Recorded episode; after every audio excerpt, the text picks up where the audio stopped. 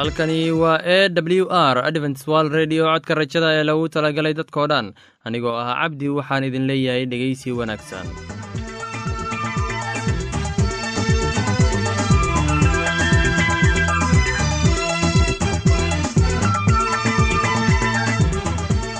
Barnaamijyadeena maanta waa laba qaybood. Qaybta kuwaad waxaad ku maqli doontaan barnaamijka nolosha qoyska. Kadib waxaa inoo raaci doonaa cashar inaga yimid bugga nolosha ee dhegeysi wacan kulanti wacan dhegaystayaal kuna soo dhowaada barnaamijkeennii nolosha qoyska oo aad xiliyadan oo kale aad hawada inaga dhegaysan jirteen. Mowduuciina maanta wuxuu ku saabsan yahay waxyeelaynta haweenka anigoo ah cabdi waxaan idin leeyahay dhegaysi wacan dhammaantiinba.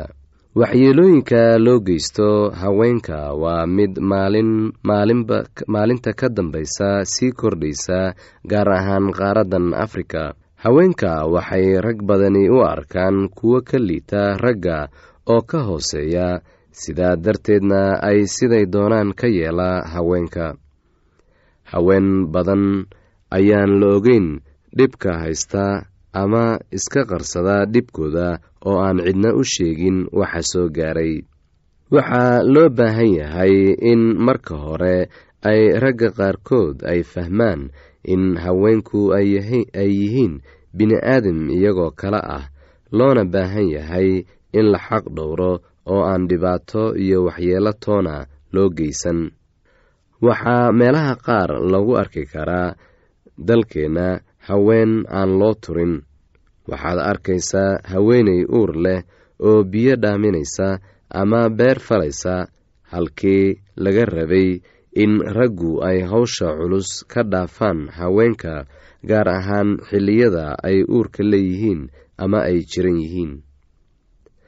Waxaa mararka qaar dhacda in ay garaacaan haweenaydii uurka lahayd oo biyo dhaaminaysa ama howl kale haysa.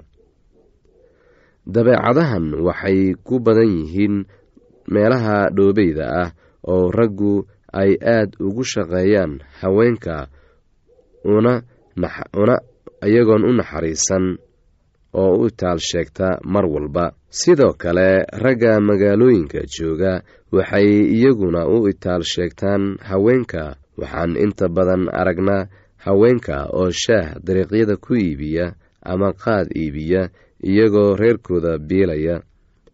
Taa la yaab ma laha waayo waa shaqo loo baahan yahay.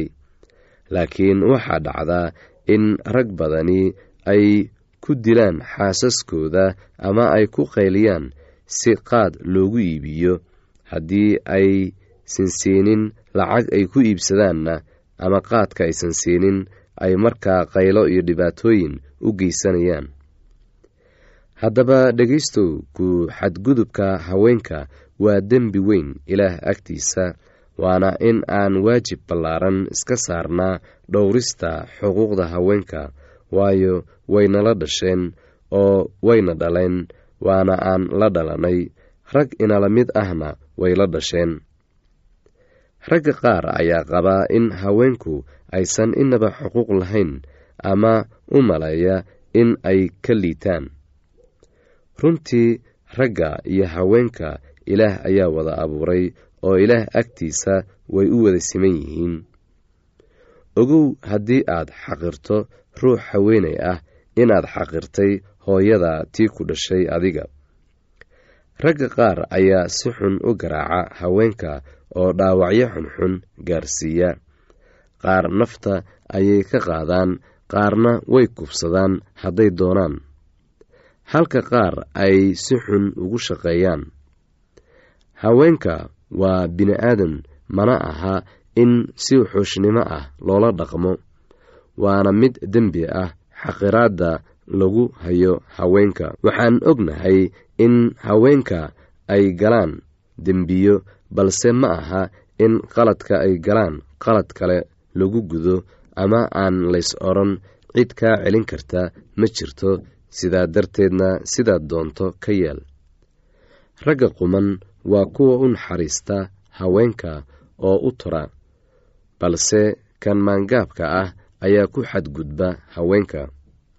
Dad badan oo soomaali ah ayaa qabaa in gabdhuhu aysan wax faa'iido ah u lahayn reerka ay ka dhalatay balse qaba in ay ceyb u soo jiidayso.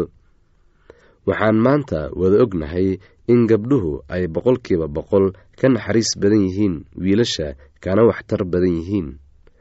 Guud ahaan haweenku waa aasaaska bulshada maadaama ay aasaaska bulshada yihiinna waa in ahmiyad gaar ah la siiyaa oo aan lagu xadgudbin lagana ilaaliyaa kuwa ku xadgudba haweenka sharcigana la keeno si waajibaadkooda loo marsiiyo dhegeystayaasheenna qiimaha iyo qadarinta mudano waxaan filayaa inaad si habboon u dhegeysan doontaan.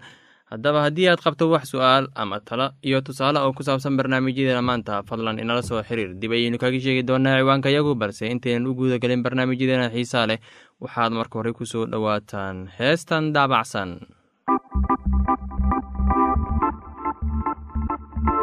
Heestan daabacsan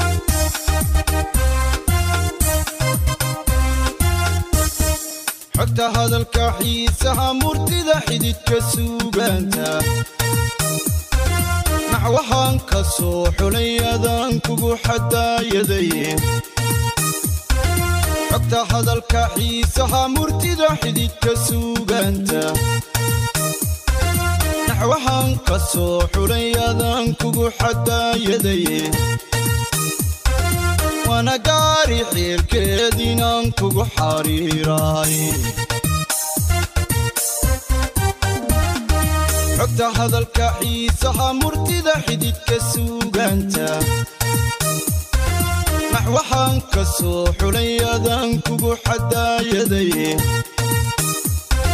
xogta hadalka xiisaha murtida xididka suugaanta naxwahaan ka soo xulay adaan kugu xadaayadaye waana gaari xiilkeediinaan kugu xariiraay. Xilkasnimo allah kuu dhashiyo garasha xeel dheere. Sida xuurar cayntii jannada lala xayaaday xafiday xasiliyay naftaad xiise gelisay.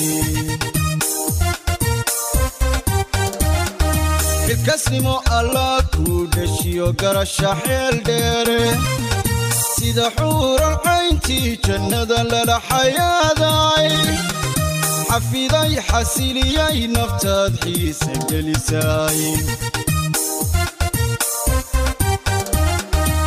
kabtan aan xajiiniyo lahayn weedh ku xaganaysaa oo rudh xalaalaysay baad ku xaragootaay qalbi xaadhan baad leedihiyo laab xaruuriyahe nageenyaalay alla geenya u gubay naftaad xiise gelisaay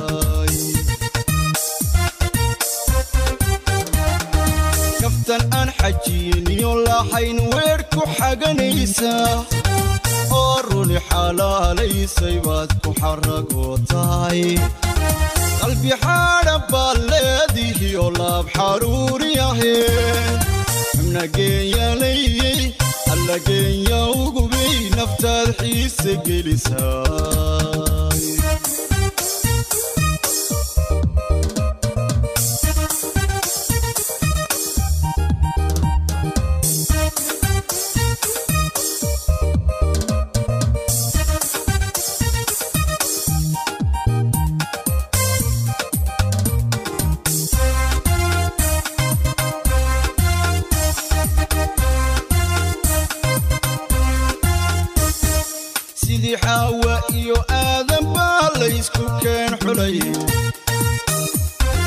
xarafyada qur'aankiyo ducaan kugu xijaabaye. Sidii xaawa iyo aadan baa laysku keen xulaye xarafyada quraankiyo ducaan kugu xijaabay ku xamdiyey ilaahii xukumay xulashadaadii sidii xaawa iyo aadan baa laysku keen xulaye xarafyada quranaag lagu xasuusnaado. Xasladay habboonay adaan kugu xushmeeyay. Isha xaasidiintiyo naxligu kuma xumeeyaani inta xaawalay dumar wanaag lagu xasuusnaado xasladay habboonay adaan kugu xushmeeyay. Isha xaasidiintiyo naxligu kuma xumeeyaani allageenya ugubay naftaad xiise gelisaay nafta aan xajiiniyo laaxayn weer ku xaganaysaa oo runi xalaalaysay baad ku xaragootaay qalbi xaadhan baad leedihi oo laab xaruuriyahe xubnageenyalay allageenya ugubay naftaad xiise gelisaay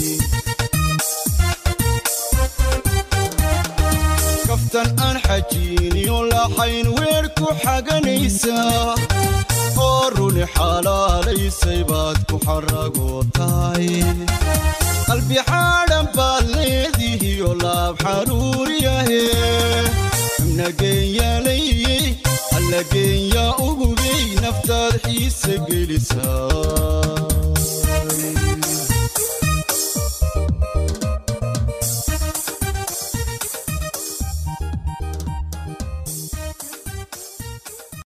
waxaan filayaa inaad ka faa'iidaysateen barnaamijkaasi. Haddaba haddii aad qabto wax su'aal ama tala iyo tusaale fadlan inala soo xiriir.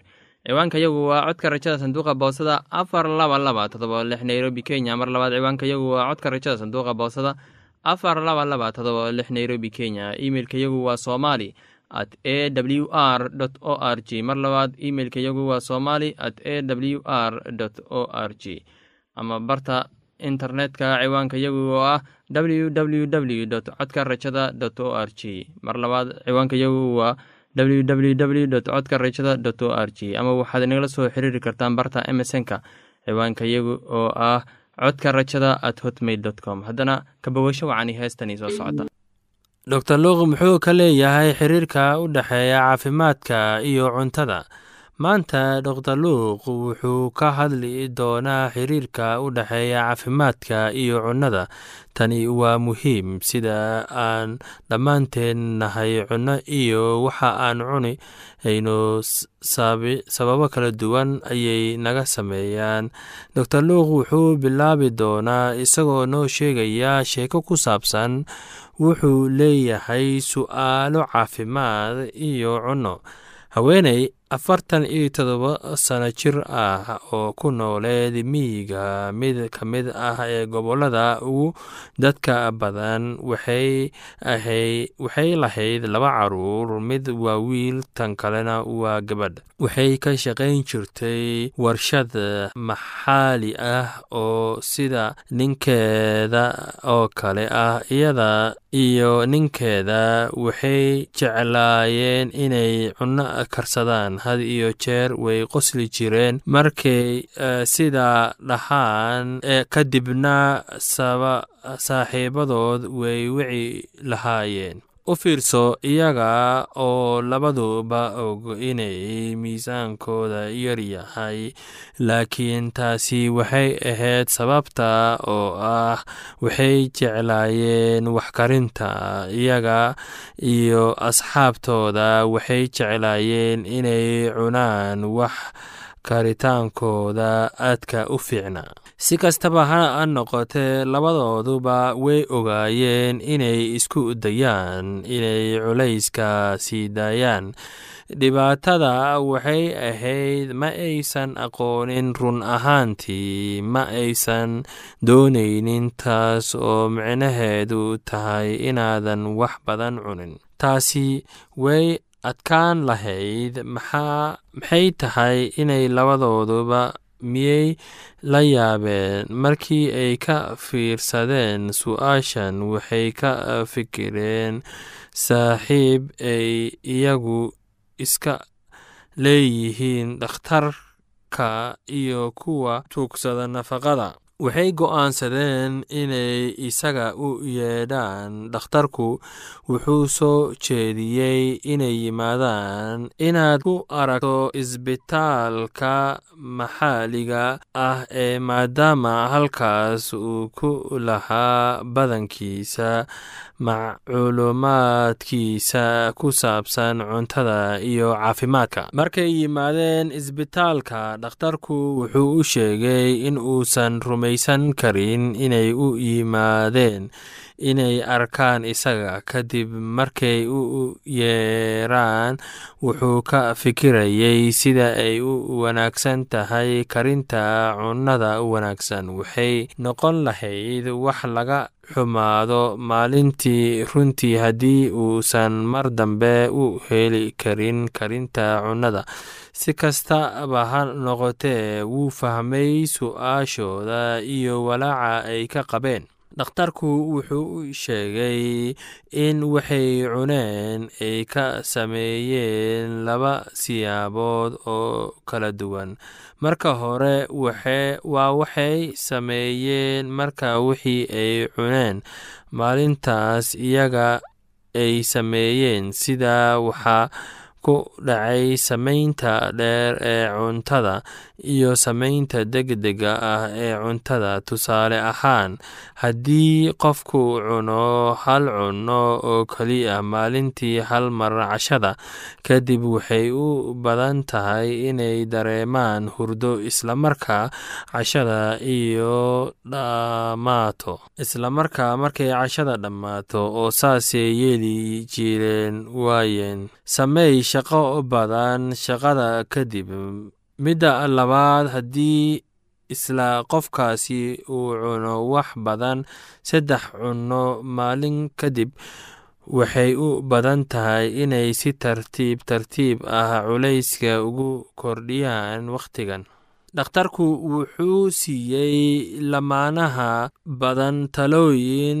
aad u badan iyo waxyaabo ay akhriyaan guriga ayay ku kaxaysteen akhri oo dhakhtarku wuxuu soo jeediyey haddii ay qabaan su'aalo dheeraad ah inay dib ugu soo laabtaan soo laaban karaan ama ay isaga ku arki karaan wakhtiga mustaqbalka. Qaar ka mid ah talo soo jeedinta waxay ahaayeen noocyo jimicsi kala duwan socod aad u baahan tahay inta lagu jiro maalinta. Tan waxaa lagu gaari karaa shaqada. Tusaale ahaan ha u lugay xafiisyada kale haddii aad warqado ka rabtid saaxiibada. Inta aadan telefoon u diri lahayd sidoo kale ganacsayaasha iyo beeraleyda. Tani macnaheedu waa socodka beeraha iyo safarka agagaarka suuqa ah.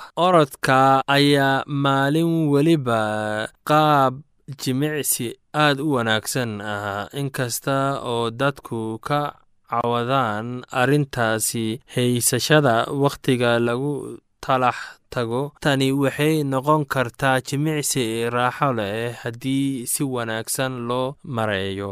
Wakhtiga ugu habboon ee orodka waxay noqonaysaa goor horey oo aroorta ah ka hor intaadan qubaysan shaqada ama galabtii shaqada soddon daqiiqo ka hor shaqada ama saacad kadib shaqada. Maxaa kale oo aad u tegi lahayd erobiga taasi oo ah jimicsi shuruuci ah oo isku daraya laxanka jimicsiga iskalana bixin iyo tababar xoog. Waxay ku lug leedahay waxyaabo badan oo muruq iyo daqiiqado jirka ah. Lagu talagalay in lagu bixiyo dabacsanaan xoogga muruqa iyo jimicsiga wadnaha iyo jirka. Kani waa sida caadiga ah waxaa lagu sameeyaa kooxda iyagoo leh heeso. Waa wax lagu farxo isku day mar weliba haddii aad awooddo haddaad leedahay carruur kula nool oo dhiirigeli inay ka qayb qaataan isboortiga dugsiga talooyinka isboortigani waa ciyaaraha fudfudud dabaasha tenniska feerka jimicsiga iyo baaskiil wadista. Ciyaarahani keliya kama caawin doonaan horumarka ilmaha laakiin sidoo kale waxay kobcin doonaan kalsoonida ilmaha iyo awoodda maskaxda. Barnaamijkii dor luuq waa mid muhiim ah waxaan filayaa inaad ka faa'iidaysateen barnaamijkaasi. Haddaba haddii aad qabto wax su'aal ama talo fadlan inala soo xiriir. Waxaan filayaa inaad ku raaxaysateen heestaasi. Haddana waxaad ku soo dhowaataan barnaamijkeenna inaga yimid bugga nolosha. Barnaamijkaasi waa barnaamij xikmad badan ee ka bogasho wacan bilowgii ilaah samada iyo dhulku abuuray. Dhulkana qaab ma lahayn wuuna madhnaa gudcurna muulkuu dul joogay oo ruuxa ilaahna wuxuu ka dul dhaqdhaqaaqayay biyaha ilaahna wuxuu yidhi iftiin ha ahaado iftiin baana ahaaday. Ilaahna wuxuu arkay iftiinkii inuu wanaagsan yahay. Ilaahna iftiinkii ayuu ka soocay gudcurkii. Ilaahna iftiinkii wuxuu u bixiyey maalin gudcurkiina wuxuu u bixiyey habeen. Waxaana jiray fiid iyo subax isla maalin ah. Ilaahna wuxuu yidhi meel bannaani ha noqoto biyaha dhexdooda oo iyadu biyaha ha ka soocdo biyaha. Markaasuu ilaah sameeyey meeshii bannaanka ahayd oo wuxuu biyihii bannaanka ka hooseeyey ka soocay kuwii bannaanka ka sarreeyey. Sidaasayna ahaatay. Ilaahna bannaankii wuxuu u bixiyey samo waxaana jiray fiid iyo subax maalintii labaad ilaahna wuxuu yidhi biyaha samada ka hooseeya meel ha isugu soo urureen oo ciidda engegani ha muuqato sidaasayna ahaatay. Markaasuu ilaah ciidda engegnayd u bixiyey dhul ururkii biyahana wuxuu u bixiyey bado oo ilaah wuxuu arkay intaasuu wanaagsan tahay ilaahna wuxuu yidhi dhulka ha soo bixiyo doog iyo geedo yaryar oo iniino dhala iyo geedo waaweyn oo midho caynkooda ah dhala oo iniinahoodana ku dhex jiraan oo dhulka ku kor yaal sidaasayna ahaatay. Dhulkiina wuxuu soo bixiyey doog iyo geedo yaryar oo leh iniino caynkooda ah iyo geedo waaweyn oo midho dhala oo iniinahooda ku dhex jiraan iyagoo caynkooda ah. Ilaahna wuxuu arkay intaasu wanaagsan tahay waxaana jiray fiid iyo subax maalintii saddexaad. Ilaahna wuxuu yidhi iftiimo ha ahaadeen meesha bannaan oo samada dhex ah si ay u kala soocaan maalinta iyo habeenka oo ha u ahaadeen calaamooyin iyo xiliyo iyo maalmo iyo sannado oo iftiimo ha u noqdeen meeshii bannaanayd oo samada dhex ahayd si ay u iftiimiyaan dhulka dushiisa sidaasayna ahaatay oo ilaah wuxuu sameeyey laba iftiin oo waaweyn si uu iftiinka weyn u xukumo maalinta iftiinka yaruna u xukumo habeenka oo xidigahana wuu sameeyey. Ilaahna wuxuu iyaga dhigay meeshii bannaanayd oo samada dhex ahayd si ay dhulka u iftiimiyaan oo ay u xukumaan maalinta iyo habeenka oo ay iftiin uga soocaan gudcurka. Ilaahna wuxuu arkay intaasu wanaagsan tahay oo waxaana jiray fiid iyo subax maalintii afraad oo ilaah wuxuu yidhi biyuhu ha u soo bixiyeen uun dhaqdhaqaaqa oo badan oo naf nool leh. Hadduna ha duusho dhulka dushiisa xagga meeshii bannaanayd oo samada dhex ahayd.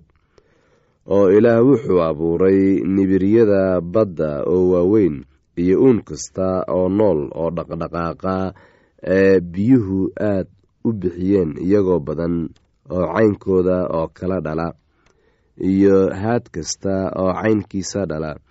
Ilaahna wuxuu arkay intaasu wanaagsan tahay oo ilaah baa barakadeeyey iyaga isagoo leh wax badan dhala oo tarma oo biyaha badda ka buuxsama.